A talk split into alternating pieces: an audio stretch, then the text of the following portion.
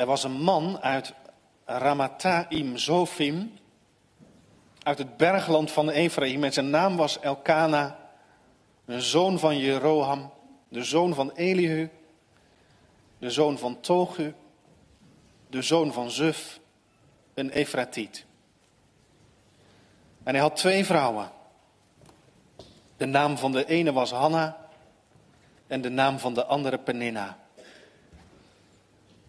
En nu had Peninna kinderen, maar Hanna had geen kinderen. En deze man ging van jaar tot jaar zijn stad uit om zich in Silo voor de heren van de legermachten neer te buigen en offers te brengen. En daar waren de twee zonen van Eli, Hofni en Pinehas, priesters van de heren. Wanneer de dag kwam dat Elkana een offer bracht, gaf hij delen van het vlees aan Peninna, zijn vrouw, en aan al haar zonen en haar dochters. Maar aan Hanna gaf hij een speciaal deel, want hij had Hanna lief. Maar de Heere had haar baarmoeder toegesloten. En haar tegenpartij treiterde haar telkens weer om haar kwaad te maken, omdat de Heere haar baarmoeder toegesloten had. En zo ging het jaar op jaar. Zo dikwijls als zij naar het huis van de Heere ging, treiterde zij haar zo.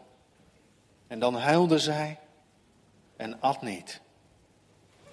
En Elkana, haar man, zei dan tegen haar: Hanna, waarom huil je? Waarom eet je niet? En waarom is je hart verdrietig? Ben ik je niet meer dan tien zonen? Toen stond Hanna op, nadat men in Silo gegeten en gedronken had. Nu zat Eli, de priester, op een stoel bij een deurpost van de tempel van de Here. En bitter van gemoed bad zij tot de Here en zij huilde erg. En ze legde een gelofte, af. Ze zei, Here van de legermachten, wanneer u werkelijk de ellende van uw dienares aanziet, aan mij denkt en uw dienares niet vergeet, maar aan uw dienares een mannelijke nakomeling geeft, dan zal ik die voor al de dagen van zijn leven aan de Heere geven. En er zal geen scheermes op zijn hoofd komen. En het gebeurde toen zij lang bleef bidden voor het aangezicht van de Heer, dat Eli op haar mond lette. Want Hanna sprak in haar hart. Alleen haar lippen bewogen, maar haar stem werd niet gehoord. En daarom hield Eli haar voor dronken. En Eli zei tegen haar, hoe lang zult u zich nog dronken gedragen? Ontdoe u van uw wijn.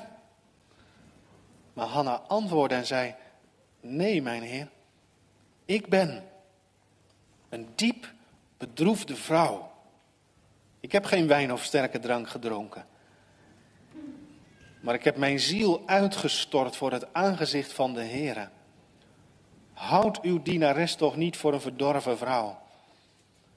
Want vanwege de veelheid van mijn gedachten en de veelheid van mijn verdriet heb ik tot nu toe gesproken. Toen antwoordde Eli en zei: Ga in vrede. En de God van Israël zal u geven wat u van hem gebeden hebt. En zij zei, laat uw dienares genade vinden in uw ogen. En vervolgens ging de vrouw haar weegs. Ze at en haar gezicht stond bij haar niet meer als voorheen. Maar zij stonden s morgens vroeg op, bogen zich neer voor het aangezicht van de Heere, keerden terug en kwamen aan bij hun huis in Rama.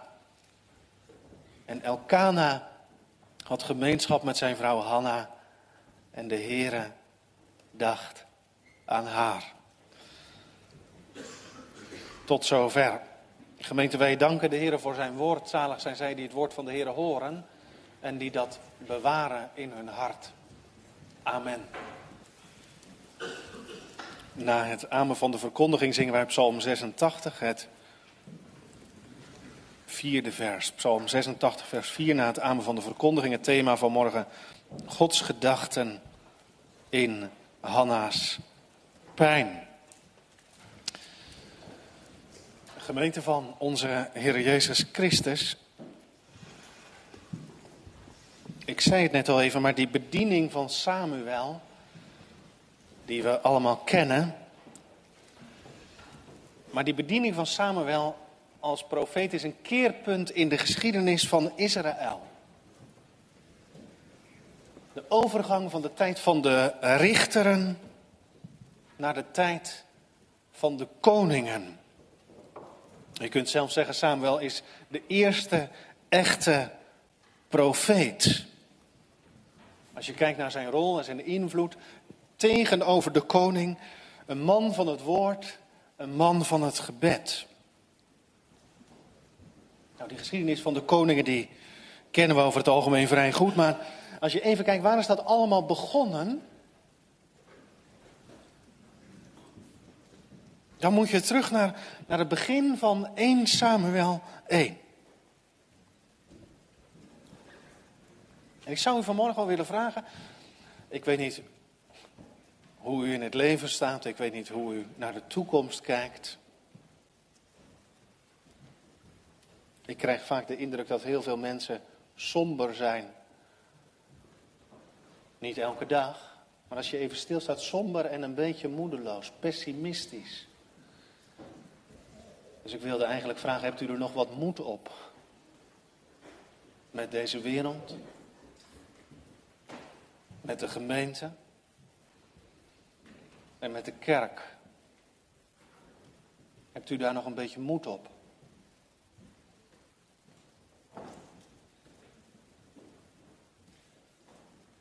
Ik denk als je dat gevraagd had in de tijd van, van van Elkana en Hanna dat heel veel mensen gezegd, zouden hebben nee. Aflopende zaak, over en uit. Het verloedert, het vervalt. En dat is ook zo, hè? Want de tabernakeldienst is verslapt. Kinderen weten dat wel, hè? Die Hofni en de Pinahas, waarover we gehoord hebben. Ze gaan het volk voor in goddeloosheid in ontheiliging van de dienst van de Heer. Straks verderop in de geschiedenis van, van 1 Samuel wordt zelfs de ark uit dat heilige der heiligen weggenomen, meegenomen het oorlogsveld met de Filistijnen op en uiteindelijk wordt die ark buitgemaakt. Dus in Silo is een leeg heilige der heiligen, het middelpunt van de godsdienst van Israël. En nu we het toch over die Filistijnen hebben, dus ik zei, het is een, een tijd van een tabernakel in verval. Uiteindelijk wordt het hart van Israëls godsdienst weggehaald als de, als de ark wordt weggevoerd. En ondertussen zijn de Filistijnen de heersende macht. Nou, dat is het grote plaatje. Nou, weet je wat ik zo mooi vind aan de Bijbel? De Bijbel ziet niet alleen dat grote plaatje, maar dan brengt de lezing van vanmorgen ons bij één biddende vrouw. Dat is de tijd waarin in Israël een vrouw in nood bidt. Een tijd die, en dat probeer ik net te zeggen, die een spiegel is voor ons. Tijd van verwarring, chaos, leeglopende kerk. Een verval van een eerbiedig geestelijk leven. Als ik het even naar ons toe haal, zou ik willen zeggen: een kerk op drift en gezinnen in verwarring, dat is toch niet zo heel ver weg?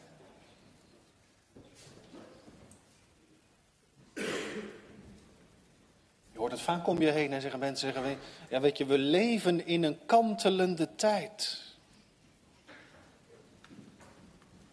Nou, ik ben geen profeet gemeente en ik wil me ook graag ver bij de politiek vandaan houden, maar volgens mij is het al lang gekanteld.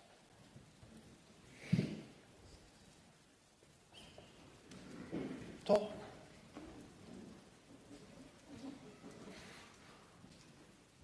Er is een geweldig gelijkheidsdenken in onze tijd dat alle vrijheid opslokt En hoe neem je als christen en als kerk daar je plek in? Beweeg je mee? Of houd je je rug recht, je knieën gebogen? Nou, dat zijn zomaar wat dingen die vanuit die eerste Samuel-boeken naar ons toe komen. Dan zeg ik het nog een keer. In die tijd, met Eli als hoge priester.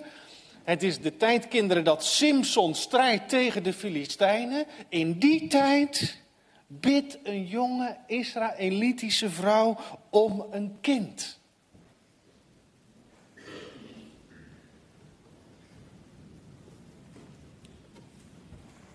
Daarom houd ik van de Bijbel. De geleerden zeggen, het Samuelboek is het pareltje van de Hebreeuwse vertelkunst. En dat is echt waar.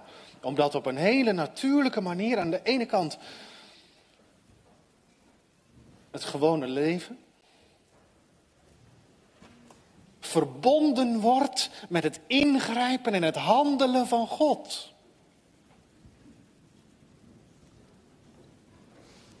Hanna die bidt om een kind en de Heer die ondertussen zijn raad en zijn plan volvoert. We gaan het vanmorgen zien. En gemeente, de eerste gedachte heb ik genoemd Hanna's nood. Want de geschiedenis die wij gelezen hebben brengt ons naar het gezinsleven van Elkana. Kronieken vertelt ons, u vindt dat in 1 Kronieken 6, dat Elkana komt uit een geslacht van priesters. Dus een priestergezin in die verwarrende tijd van verloedering en verval. Als je even verder leest in hoofdstuk 2, dan lees je in, in 2 vers 17 dat, dat het volk afhaakte, zouden wij vandaag zeggen. Ze verachten het offer en ze verachten de tabernakel vanwege het wangedrag van Hofni en Pinaas. En in die tijd blijft Elkana trouw vind het zo bijzonder. Het staat, er, het staat in vers 3 aan het eind. Hè, die Hofni en de Pinahas, waar je van alles van kunt zeggen, zijn priesters van de Here. En vers 9, het laatste regeltje, vertelt ons dat die tempel met al het verval en met alles wat er mis is, tempel van de Here is.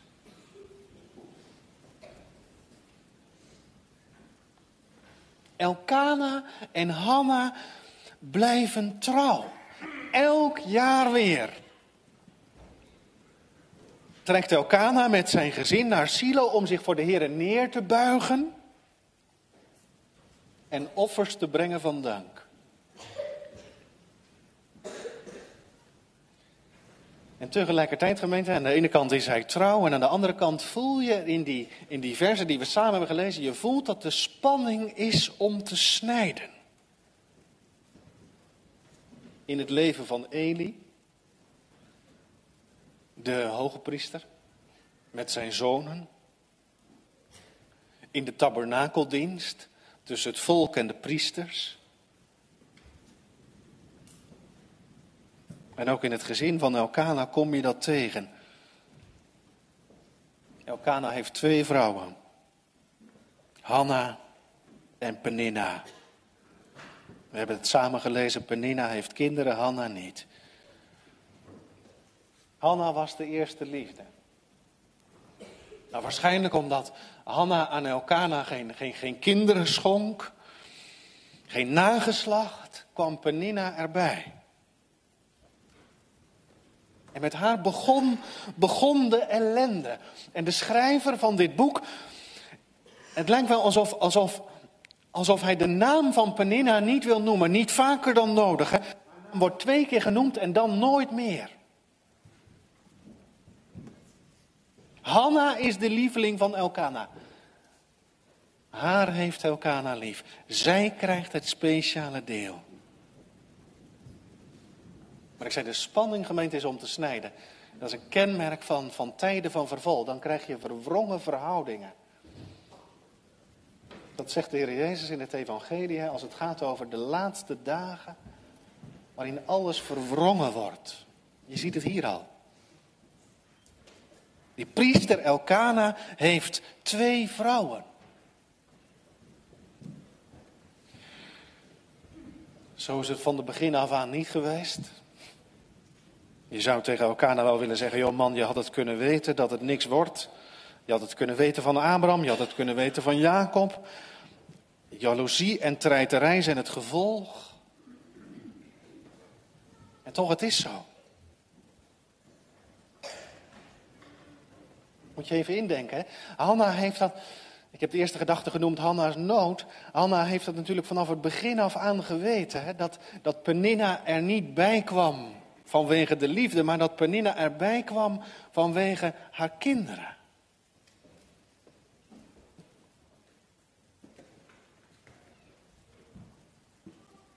Wat moet die Hanna gekwetst zijn, diep gekwetst. Je wilt er niet eens over nadenken wat zij te horen kreeg van Penina. We hebben het samen gelezen, elk jaar weer. Als ze onderweg zijn en, en tijdens dat verblijf daar in Silo, elk jaar weer begon Penina. Het leven van de Hanna-gemeente is, is samengevat in dat laatste zinnetje van vers 2. Daar werd gezegd, en nu had Penina kinderen. Maar Hanna had geen kinderen. En het is bijzonder dat, dat Penina juist de behoefte voelt om Hanna daarmee te treiteren. Op het moment dat ze naar Silo gaan, op het moment als ze knielen voor de Heer, op het moment dat Hanna bidt en dankt. Dacht gemeente, dat geeft aan die, aan die die treiterij van Peninna een geestelijke lading. Het woord dat hier gebruikt wordt voor treiteren betekent zoveel als krenken. Daar is Peninna op uit. Ze wil Hanna breken en juist ook het geloof van Hanna.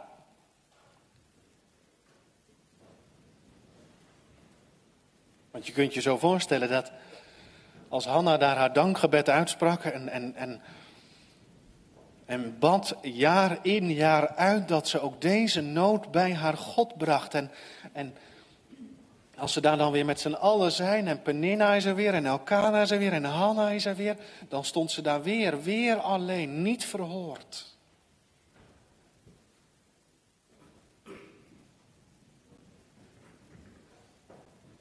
En het is precies dat waar Penina de vinger bij legt. Hè. Er staat, haar tegenpartij, vers 6, treiterde haar telkens weer om haar kwaad te maken, omdat de Heere haar baarmoeder had toegesloten. Dat staat er twee keer. Dat heeft de Heere gedaan.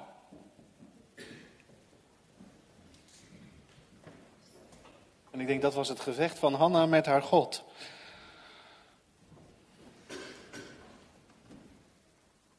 Misschien wel goed om vanmorgen even te zeggen, gemeente, omdat dit in de Bijbel staat en deze geschiedenissen.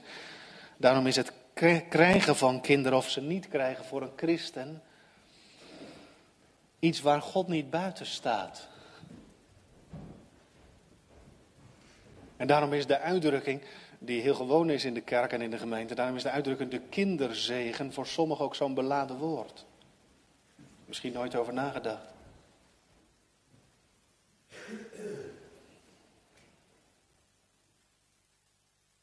Ja, Hanna, waarom zou je eigenlijk nog gaan? Waarom zou je nog knielen? Waarom zou je nog bidden? Dat is de geladenheid van de eerste verse van dit, eens, van dit eerste Samuelboek. Kijk, als Peninna het kon, dan zou ze het liefst dat geloof van Hanna hebben gebroken. En dat vind ik het ontroerende in deze, ontroerende in deze geschiedenis. Het lukt Peninna wel om Hanna te breken. Dat lukt er heel goed. Maar ze krijgt het niet voor elkaar om het geloof van Hanna te breken. Dat heeft God er zelf ingelegd. En dat blijft naar de Heer toetrekken en daar kan Peninna niet bij. Ze kan dat geloof wel aanvechten. Ze kan de geest van Hanna breken, maar de band tussen de Heer en Hanna niet. De geest van Hanna wel, dat klopt. Elk jaar ging het weer hetzelfde. Ze at niet. Ze huilt. Wij zouden vandaag zeggen, ze is helemaal stuk. Maar misschien is hier iemand die zegt, nou maar gelukkig heeft ze Elkana. Ze is niet alleen. Ja, gemeente, wat moet je van Elkana zeggen?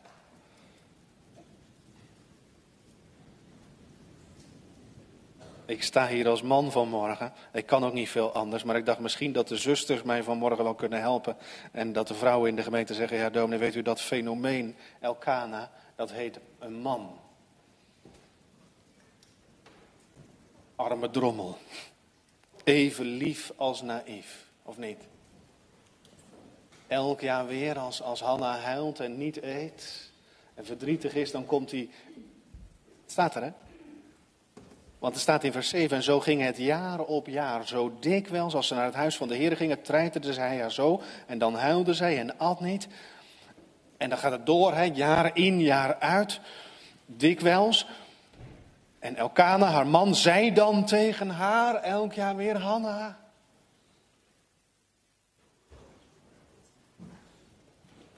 Waarom huil je? Dat weet u best. Waarom ben je verdrietig? Dat weet u drommels goed. Alles wat hij uit weet te brengen. En dan kijk ik even naar de broeders. Soms kunnen we ook zo heerlijk onhandig zijn. Hè? Maar alles wat hij weet uit te brengen, heel best bedoeld, hoor ik twijfel er niet aan, is dat hij zegt: Ben ik je dan niet meer dan tien zonen? Je hebt mij toch?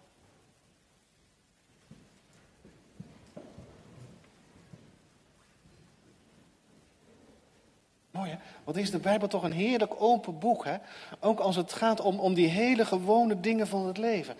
Hier wordt in een paar pennenstreken gemeente wordt het onzegbare gezegd. Als een spiegel. Ook voor allen die de pijn van Hanna kennen. En dat zijn er velen, niet alleen in de tijd van de Bijbel, maar ook vandaag. Denk aan Sarah. Denk aan Rebecca. Denk aan de moeder van Simpson, van wie we de naam niet kennen. Denk aan Elisabeth.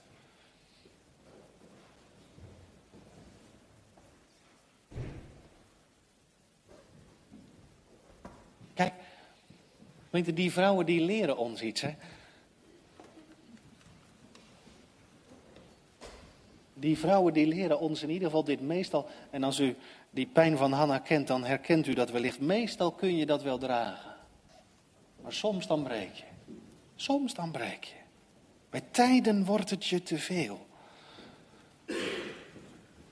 dat is Hanna's nood. Gemeente, ik ga naar de tweede gedachte. Hanna's gebed.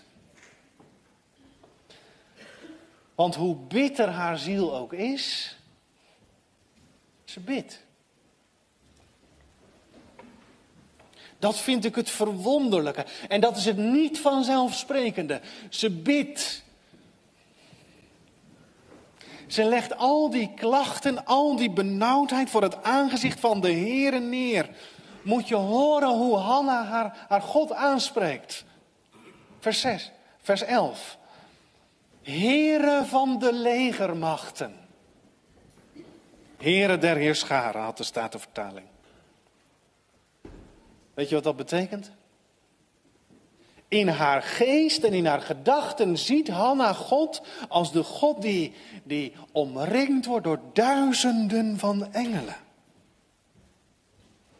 Engelen die gereed staan om het woord van God op de aarde en in de hemel te vervullen. De Heere Zebaoot. De God die alle dingen leidt naar de raad van zijn wil. Heren van de legermachten. Ja, gemeente, dat is ook nog eens waar dat God zo is, hè, dat Hij alle dingen leidt naar de raad van zijn wil. Niet alleen in het groot, maar ook in het klein. Dat leer je vooral als het anders gaat dan je zelf had gedacht. Heren van de legermachten, als u ziende ziet op de ellende van uw dienstmaagd en mij gedenkt en uw dienstmaagd niet vergeet en aan uw dienstmaagd een mannelijke nakomeling geeft, geven zal ik hem dan aan de Heere al de dagen van zijn leven. Wat een moeder, hè, die Hanna.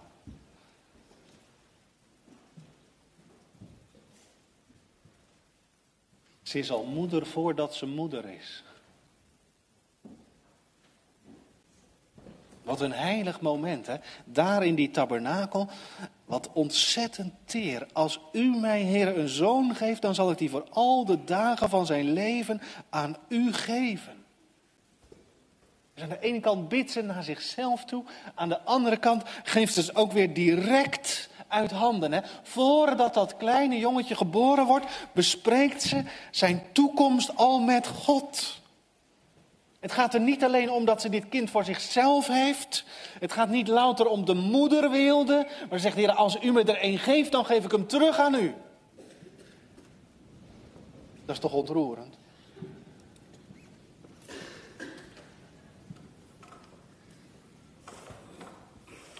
Ik kijk even naar alle jonge vrouwen in de gemeente, maar het gebed in de gemeente, dat, of het gebed voor je kinderen, dat, dat begint niet pas als ze uh, lastig worden, pubers worden. Bij Hanna begint het al voordat Samuel geboren wordt. Wat zeg ik? Voordat Samuel ontvangen is.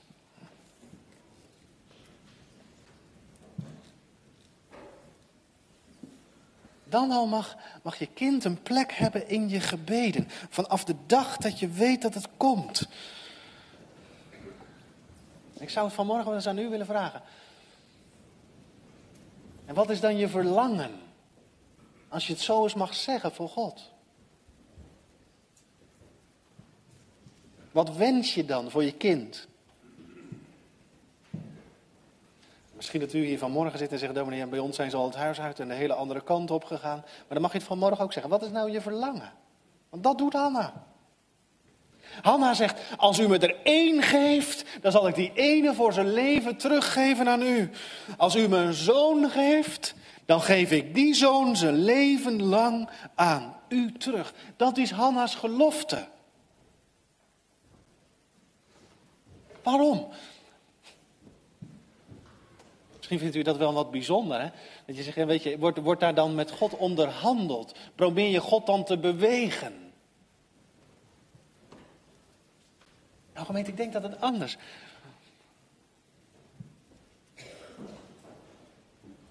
Denk even aan de plaats waar Hanna bidt, in die tabernakel. Waar ze het gezien heeft, jaar in jaar uit, hoe het toeging. Ik dacht, zal Hanna, juist zij, als de kinderloze, de nood van die tijd meer en dieper gepeild hebben dan al die andere moeders in Israël? Meer geleden aan die tabernakel dan haar leeftijdsgenoten. Nou, Hanna heeft in ieder geval geleerd, gemeente, dat het in de kinderzegen, als ik dat woord dan maar mag gebruiken, niet gaat om oudergeluk, maar om de verheerlijking van de naam van God.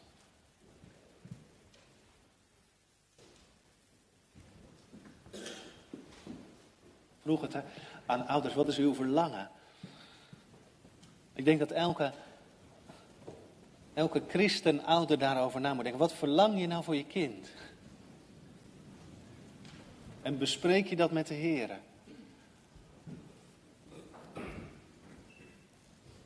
En zit daar dan ook iets in wat boven dit leven uitgaat?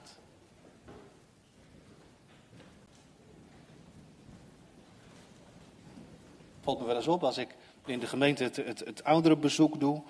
En dat, is, dat snap ik ook wel, hè, maar je kunt als vader en moeder geweldig trots zijn op je kinderen. Hè, wat ze bereikt hebben, waar ze terechtgekomen zijn, kleinkinderen. Nou, dat zijn ook geweldige zegeningen. Ik zou zeggen, dank de Heer daarvoor. Maar soms denk ik ook wel eens, is, is, dat, is, dat, is dat ons enige perspectief? Hier en nu. Wat we hier bereiken, waar we naar school gaan, waar we werken.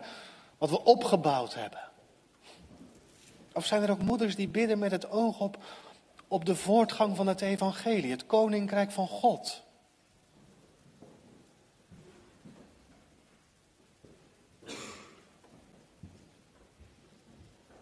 Of als je ouders het niet doen, dan zou ik wel willen vragen, jongelui, doe je dat zelf?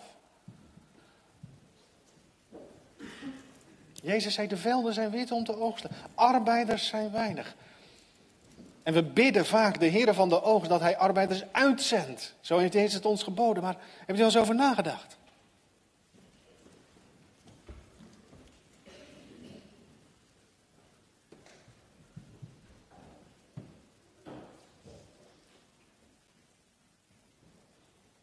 Hanna brengt het in gebed bij God.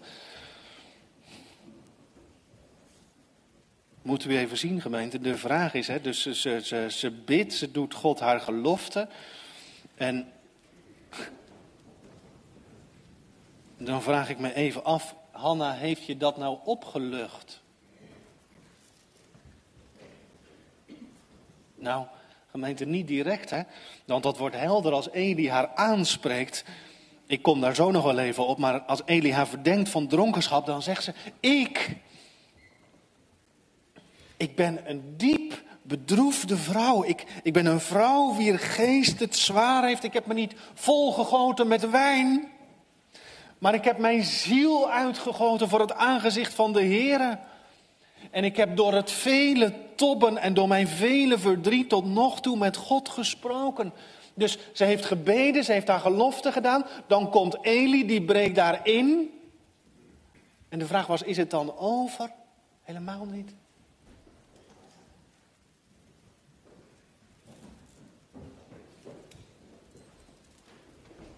Dat is ter bemoediging, gemeente. Als u dat herkent, dat je soms alles kwijt kunt raken bij God. Alles wat je bezwaart, alles wat je benauwt. En dat zijn er meer dan je denkt, hè, die zich herkennen in, in, in, in, in Hanna. Ik ben een, een vrouw, en misschien ben je wel een man, maar ik ben een vrouw wier geest het zwaar heeft. Toen ik daarmee bezig was, dacht ik, gemeente, wat zijn er veel kinderen van God voor wie dat geldt, die een zware geest hebben, bezwaard, bedrukt, moedeloos, somber. Er zijn er heel wat mensen om je heen en, en die, die zeggen, nou weet je, als ik bid, dan word ik altijd, word ik zo rustig van. Nou, Hanna niet. Hanna niet.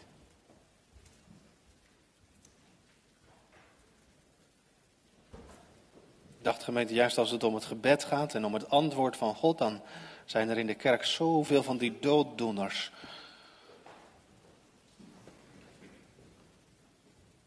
Sorry dat ik dat zo zeg, gemeente, maar van dat gebabbel dat zelf nog nooit wanhopig is geweest.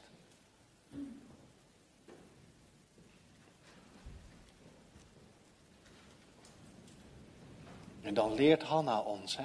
Ze heeft dat allemaal bij de Heer gebracht. En, en, dan onderbreekt Eli haar. Haar nood is niet voorbij. Ik ben een vrouw wier geest het zwaar heeft. Heerlijk als je het gewoon eens even mag zeggen. Hè? Ik heb mijn ziel uitgestort voor het aangezicht van de Heer. En het is dat u me onderbreekt.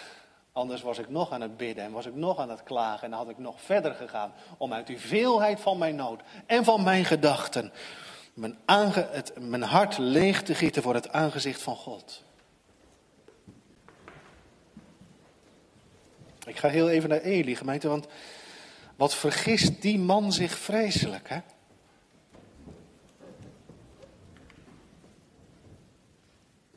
Ze ziet aan die biddende vrouw. En hij is blijkbaar zo gewend aan hoe het toegaat rond die tabernakel. Hè?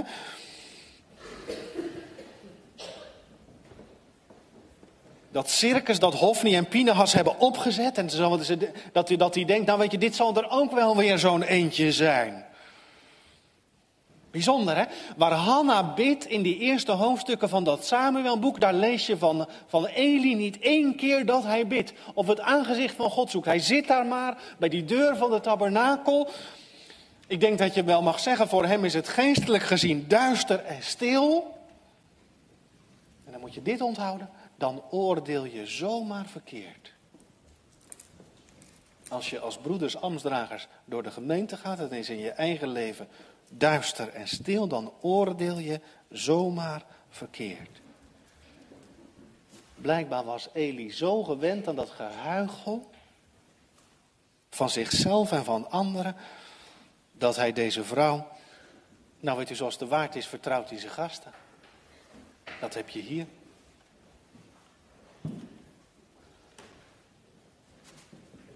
Dat moeten we ook meenemen uit deze geschiedenis. We hebben ons oordeel zo snel klaar. Ik betrap mezelf daar telkens ook op. Toch? We kijken een ander en dan zeggen we, nou, die zal wel zus of zo zijn. Hè?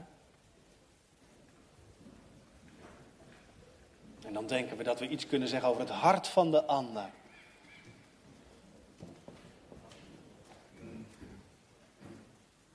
Wat laat de Heer je soms beschaamd staan, hè?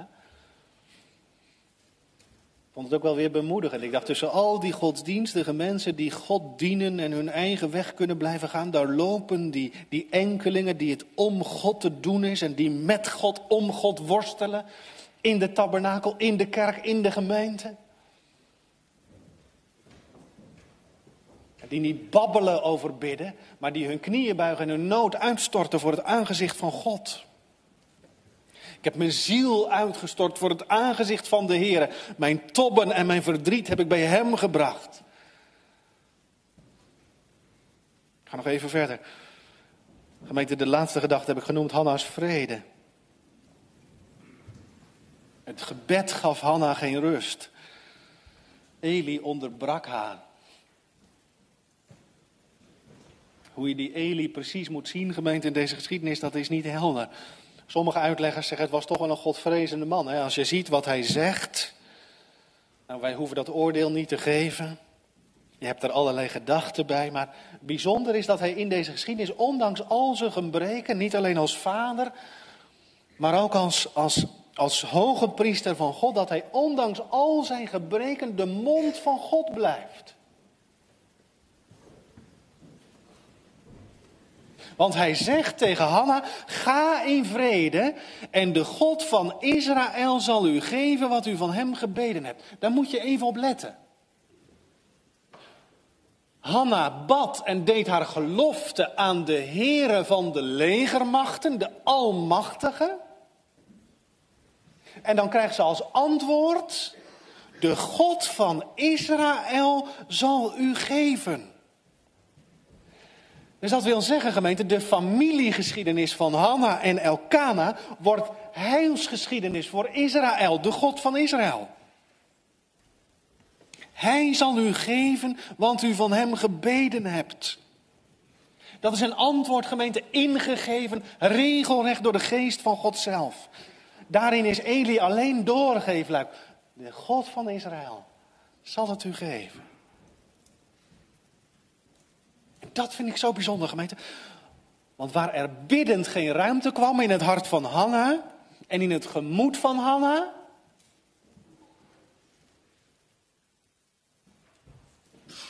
Daar richt het woord van Gods kant haar op. Ziet u dat?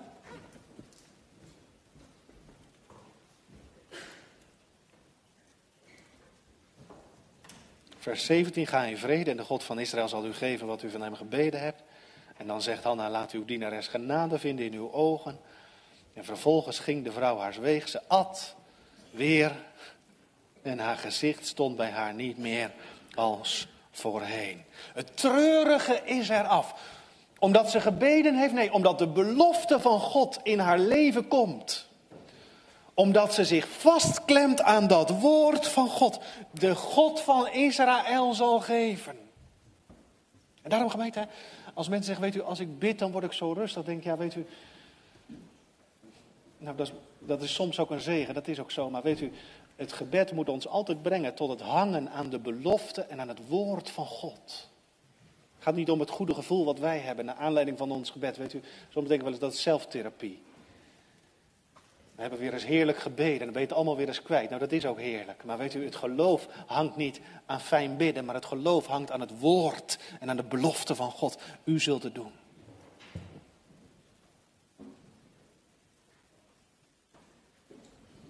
Het is een wonderlijke geschiedenis, vindt u niet? God schept een nieuw begin door de nood van een kinderloze, gekrenkte en betraande vrouw heen.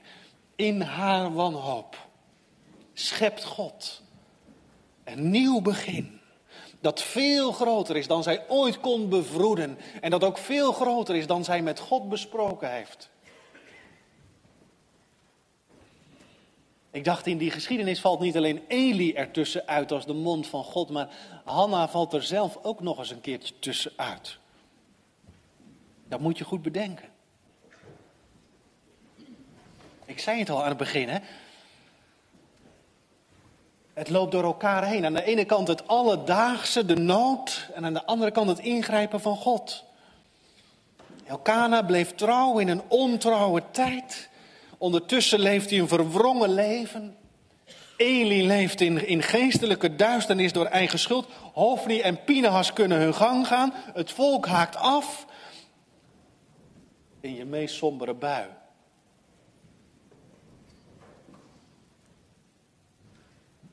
Zeg je, het is een godvergeten tijd waar alles kapot gaat. En weet je wat dan zo bijzonder is, gemeente? Dat is niet waarmee Hanna bezig is. Dat is niet wat Hanna bespreekt met haar God. Het verval, de nood van de tijd. Dan zouden we vanmorgen kunnen zeggen, gelukkig had God er nog eentje daar in Israël. Die zich bekommerde om de eer van God.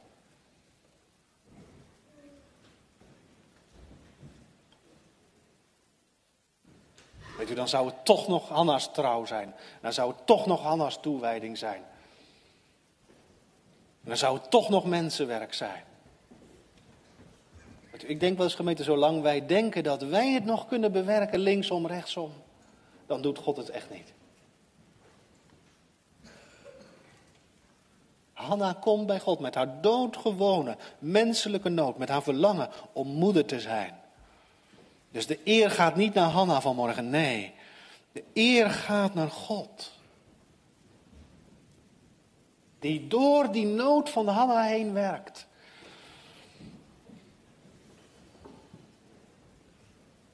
Ik begon de preek met, met hebt u er nog wat moed op, hè?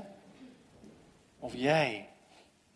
Wat hebben we nou nodig als kerk? Er wordt van alles bedacht. Wordt er doodmoe van. Alles wat bedacht wordt.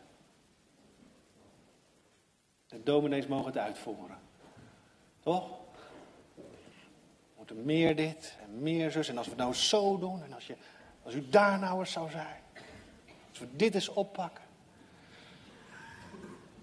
En het moet allemaal gedaan worden, begrijp mij niet verkeerd.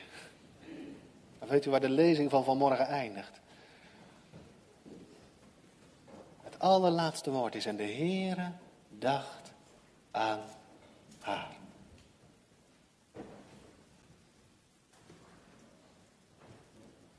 Misschien vind je het wel eens ingewikkeld in de kerk. Als je jong bent en je zit hier. Weet je wat.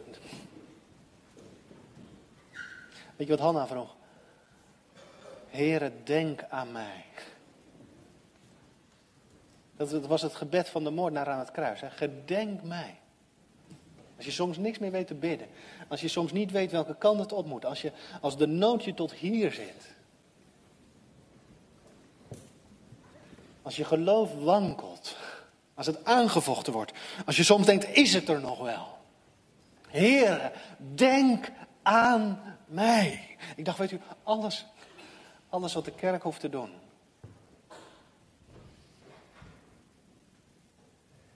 Is dat gebed. Heere, denk aan ons. Denk aan onze kinderen. En misschien zit je hier wel als kind en zeg je, Heere, denk aan mijn ouders. Mijn grootouders. Maar denk ook aan het navolgende geslacht. Denk aan onze kerk. Denk.